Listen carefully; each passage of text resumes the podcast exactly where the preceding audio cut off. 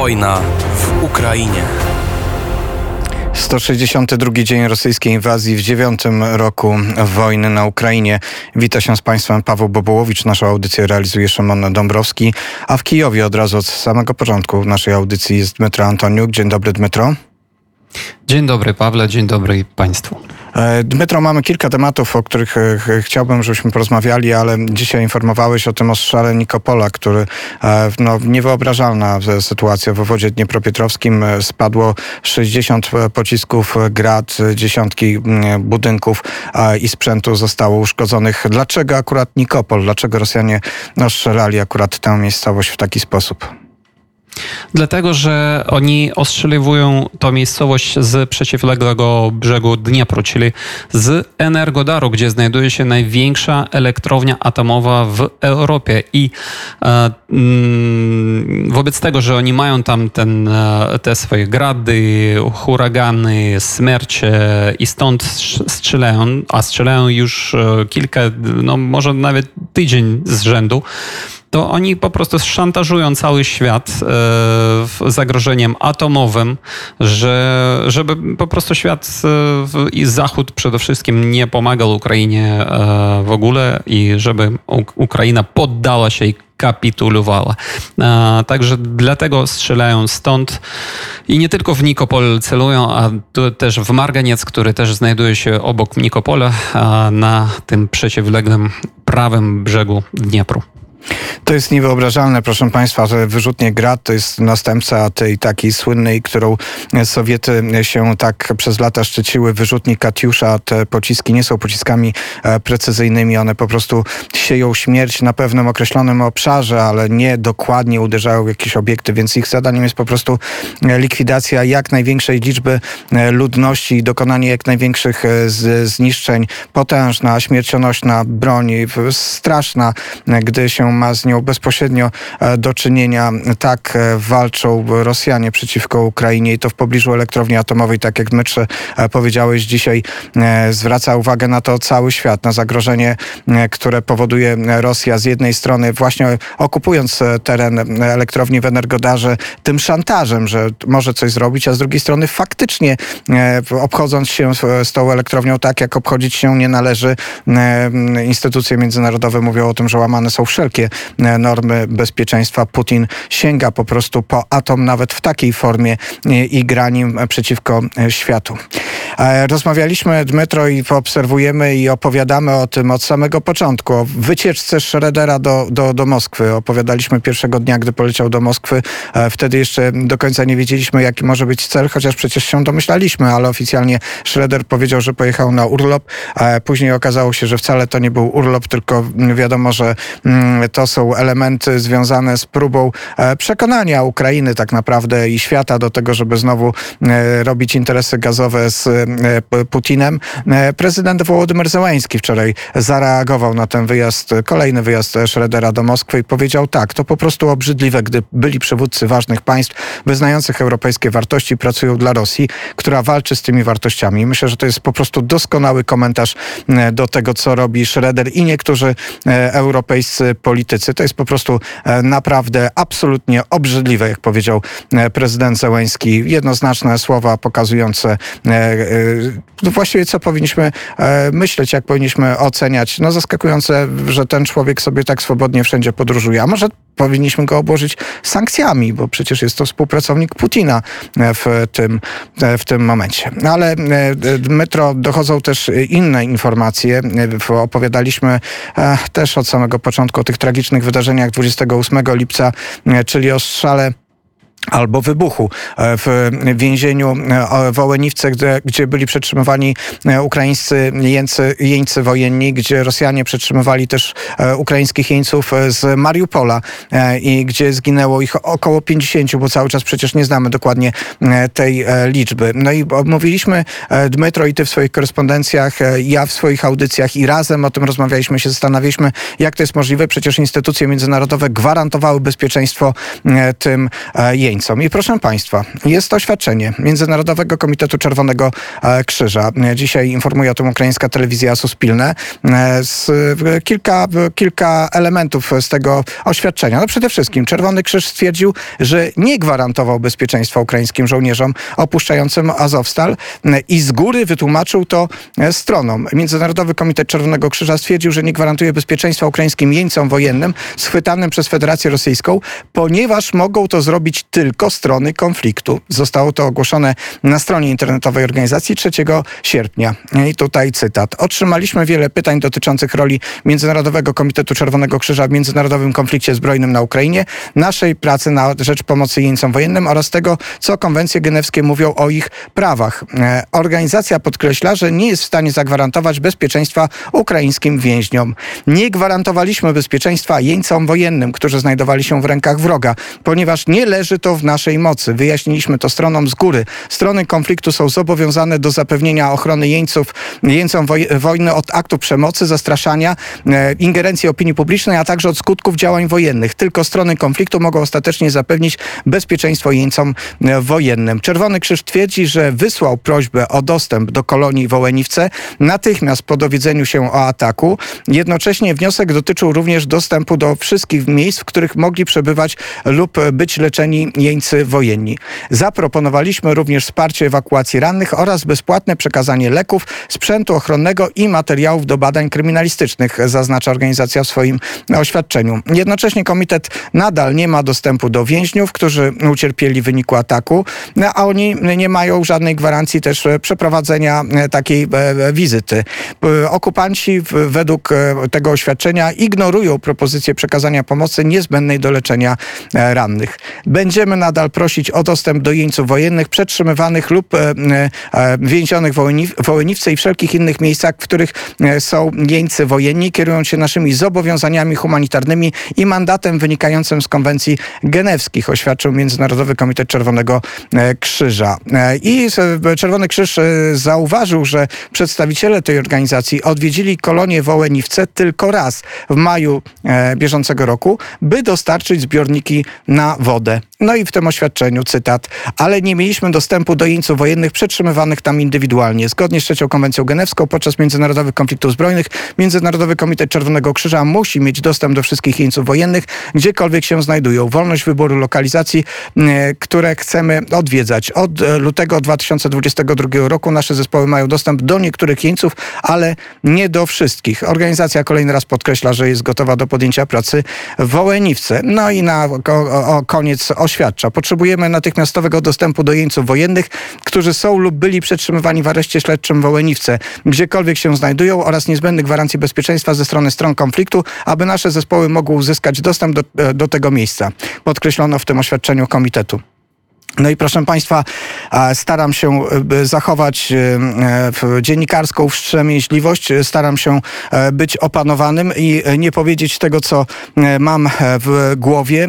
Spróbuję to powiedzieć chłodnymi słowami, ale ja widzę sprzeczność w tym oświadczeniu. Nie wiem, Metro, jak ty na to zareagujesz, bo z jednej strony Międzynarodowy Komitet Czerwonego Krzyża twierdzi, że nie ma żadnej możliwości i nie dawał żadnych gwarancji, a z drugiej strony w tym oświadczeniu przecież sam podkreśla, że jest do tego, żeby właśnie e, kontrolować, jak wygląda kwestia dotycząca przetrzymywania e, jeńców, żeby być w tych miejscach e, i że pisze, ale to Rosja go nie wpuszcza, może za słabo po prostu się o to stara.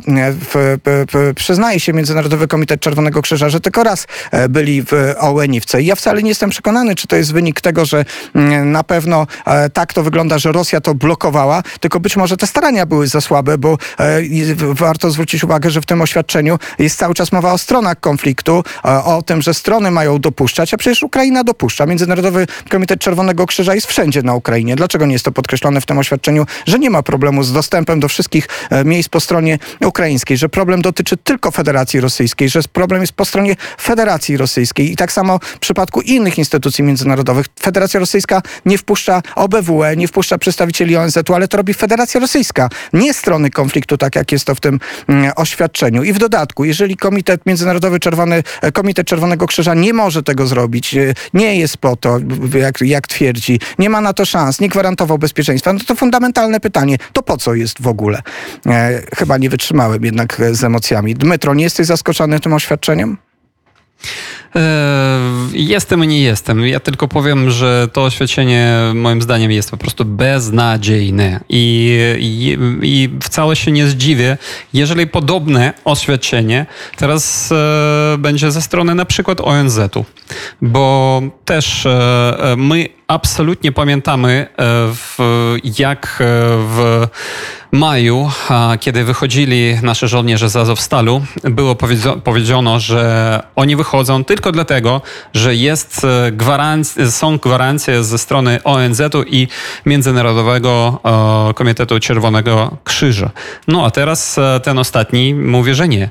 No beznadziejnie po prostu.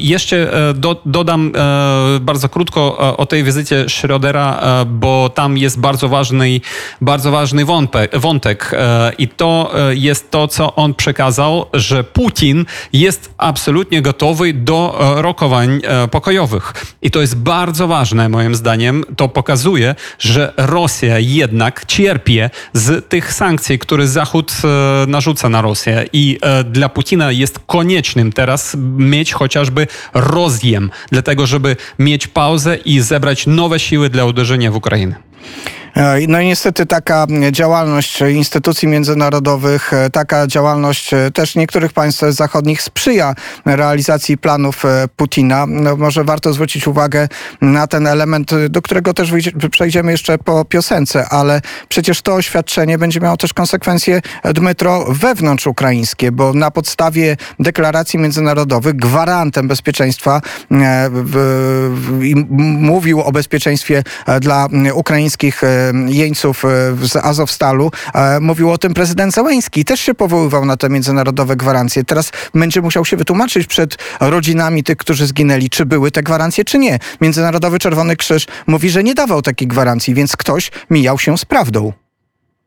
No dokładnie tak. Mm, także to jest bardzo kiepska sytuacja będziemy obserwować tę tragiczną sprawę. Nie zapomnimy o tym, co się wydarzyło w Ołeniwce, nie zapomnimy o tym barbarzyńskim akcie, morderstwie na jeńcach wojennych. Ta zbrodnia Federacji Rosyjskiej przypomina te tragiczne wydarzenia, które znamy też z własnej, z naszej polskiej historii, z doświadczeń z butem bolszewickiego najeźdźcy.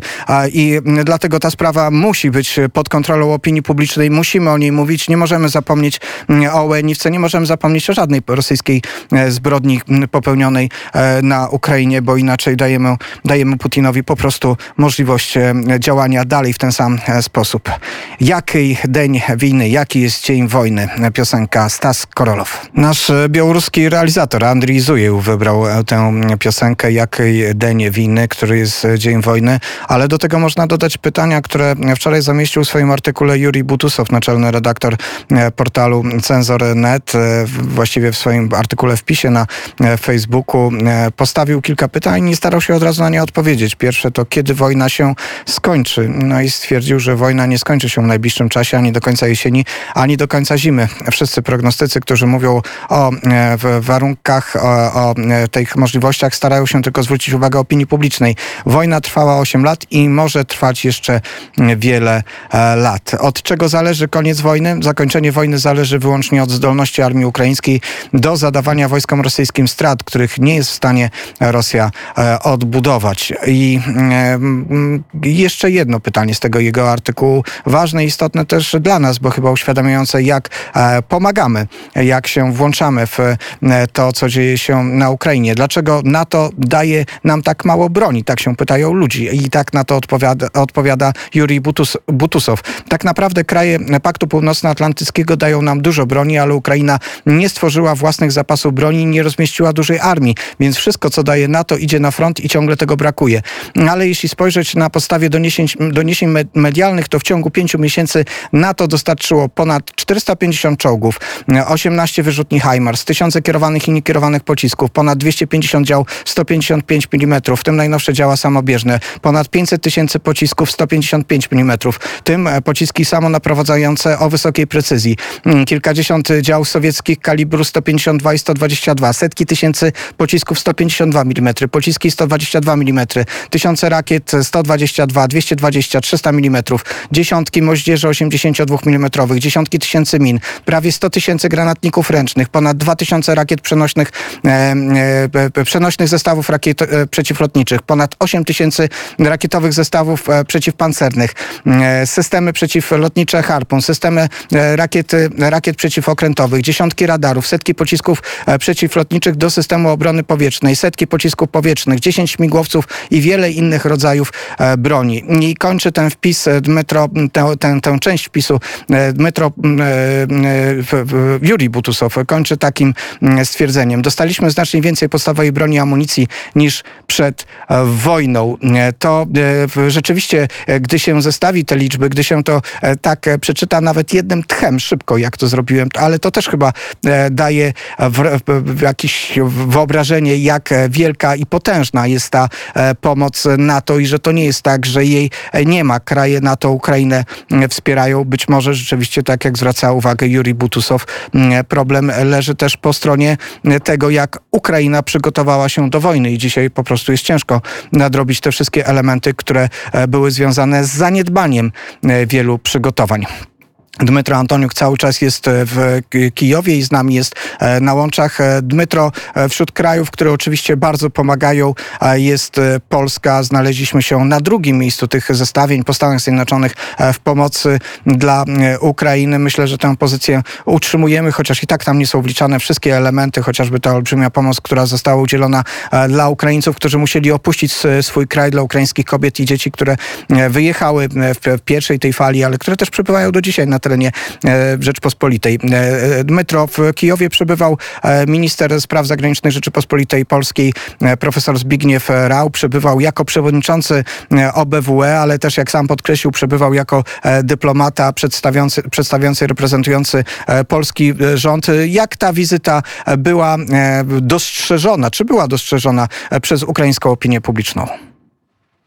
E, no cóż, ta wizyta była e, dostrzeżona przez e, przede wszystkim media ukraińskie i wszystkie najważniejsze media, w tym Ukraińska Prawda, Cenzor.net, Ukrinform, Ukrinform poinformowali o tej wizycie i w, w bardzo pozytywnym oczywiście świetle dla pana profesora i ministra Zbigniewa Rała.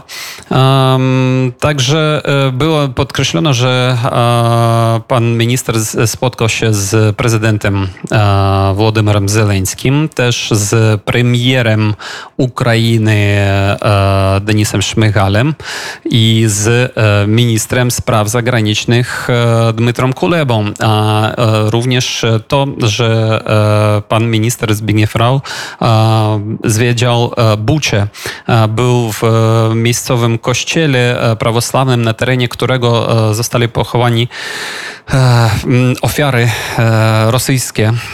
I tam złożył kwiaty, a oprócz tego, zresztą to jest blisko w Buci, zwiedzał to miasteczko takie tymczasowe, które zostało zbudowane specjalnie dla tych ludzi, tych Ukraińców, którzy stracili swoje domy w Buci, w Irpieniu, w Ostomelu i to miasteczko było zbudowane E, ze środków e, Rzeczypospolitej Polskiej. E, to miasteczko jest, e, czy te miasteczka właściwie, bo ich znajduje się przecież kilka, takie miasteczka są też e, na zachodniej Ukrainie, służą tym osobom, które zostały pozbawione domów i są takim elementem tymczasowego, tymczasowej możliwości przebywania do czasu, aż te miasta, aż domy zostaną odbudowane. Ta forma pomocy cały czas będzie kontynuowana. Czy coś więcej wiadomo, czy znalazłeś może jakieś informacje informacje dotyczące tego formatu OBWE, e, wizyty ministra Rała. Ja widziałem jeden z, z tytułów ukraińskiej prasie mówiący o tym, że flaga OBWE nadal będzie powiewać nad Kijowem. Um, tak, w, chociaż um, przedstawnictwo OBWE e, już nie ma oficjalnie na Ukrainie, w Ukrainie, e, jednak e, Organizacja Bezpieczeństwa Współpracy w Europie będzie tutaj przedstawiona i dlatego zapewnieniem jest obecna wizyta pana ministra.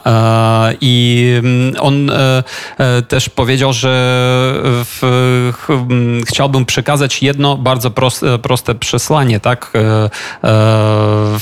będąc w Kijowie o tym, że ta organizacja jednak wspiera Ukrainę.